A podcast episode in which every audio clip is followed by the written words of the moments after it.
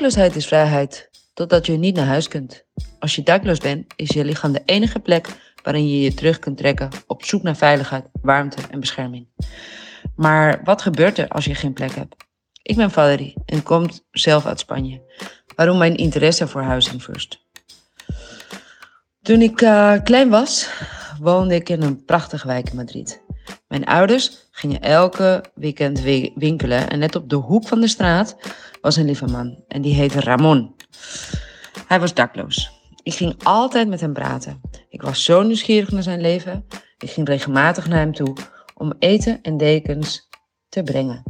En ik heb zelfs gevraagd om bij ons te komen wonen.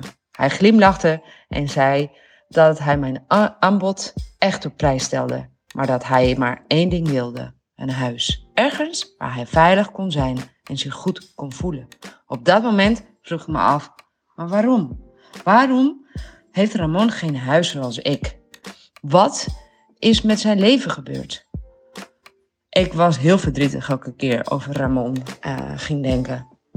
Zeker als het ging regenen kon ik bijna niet slapen.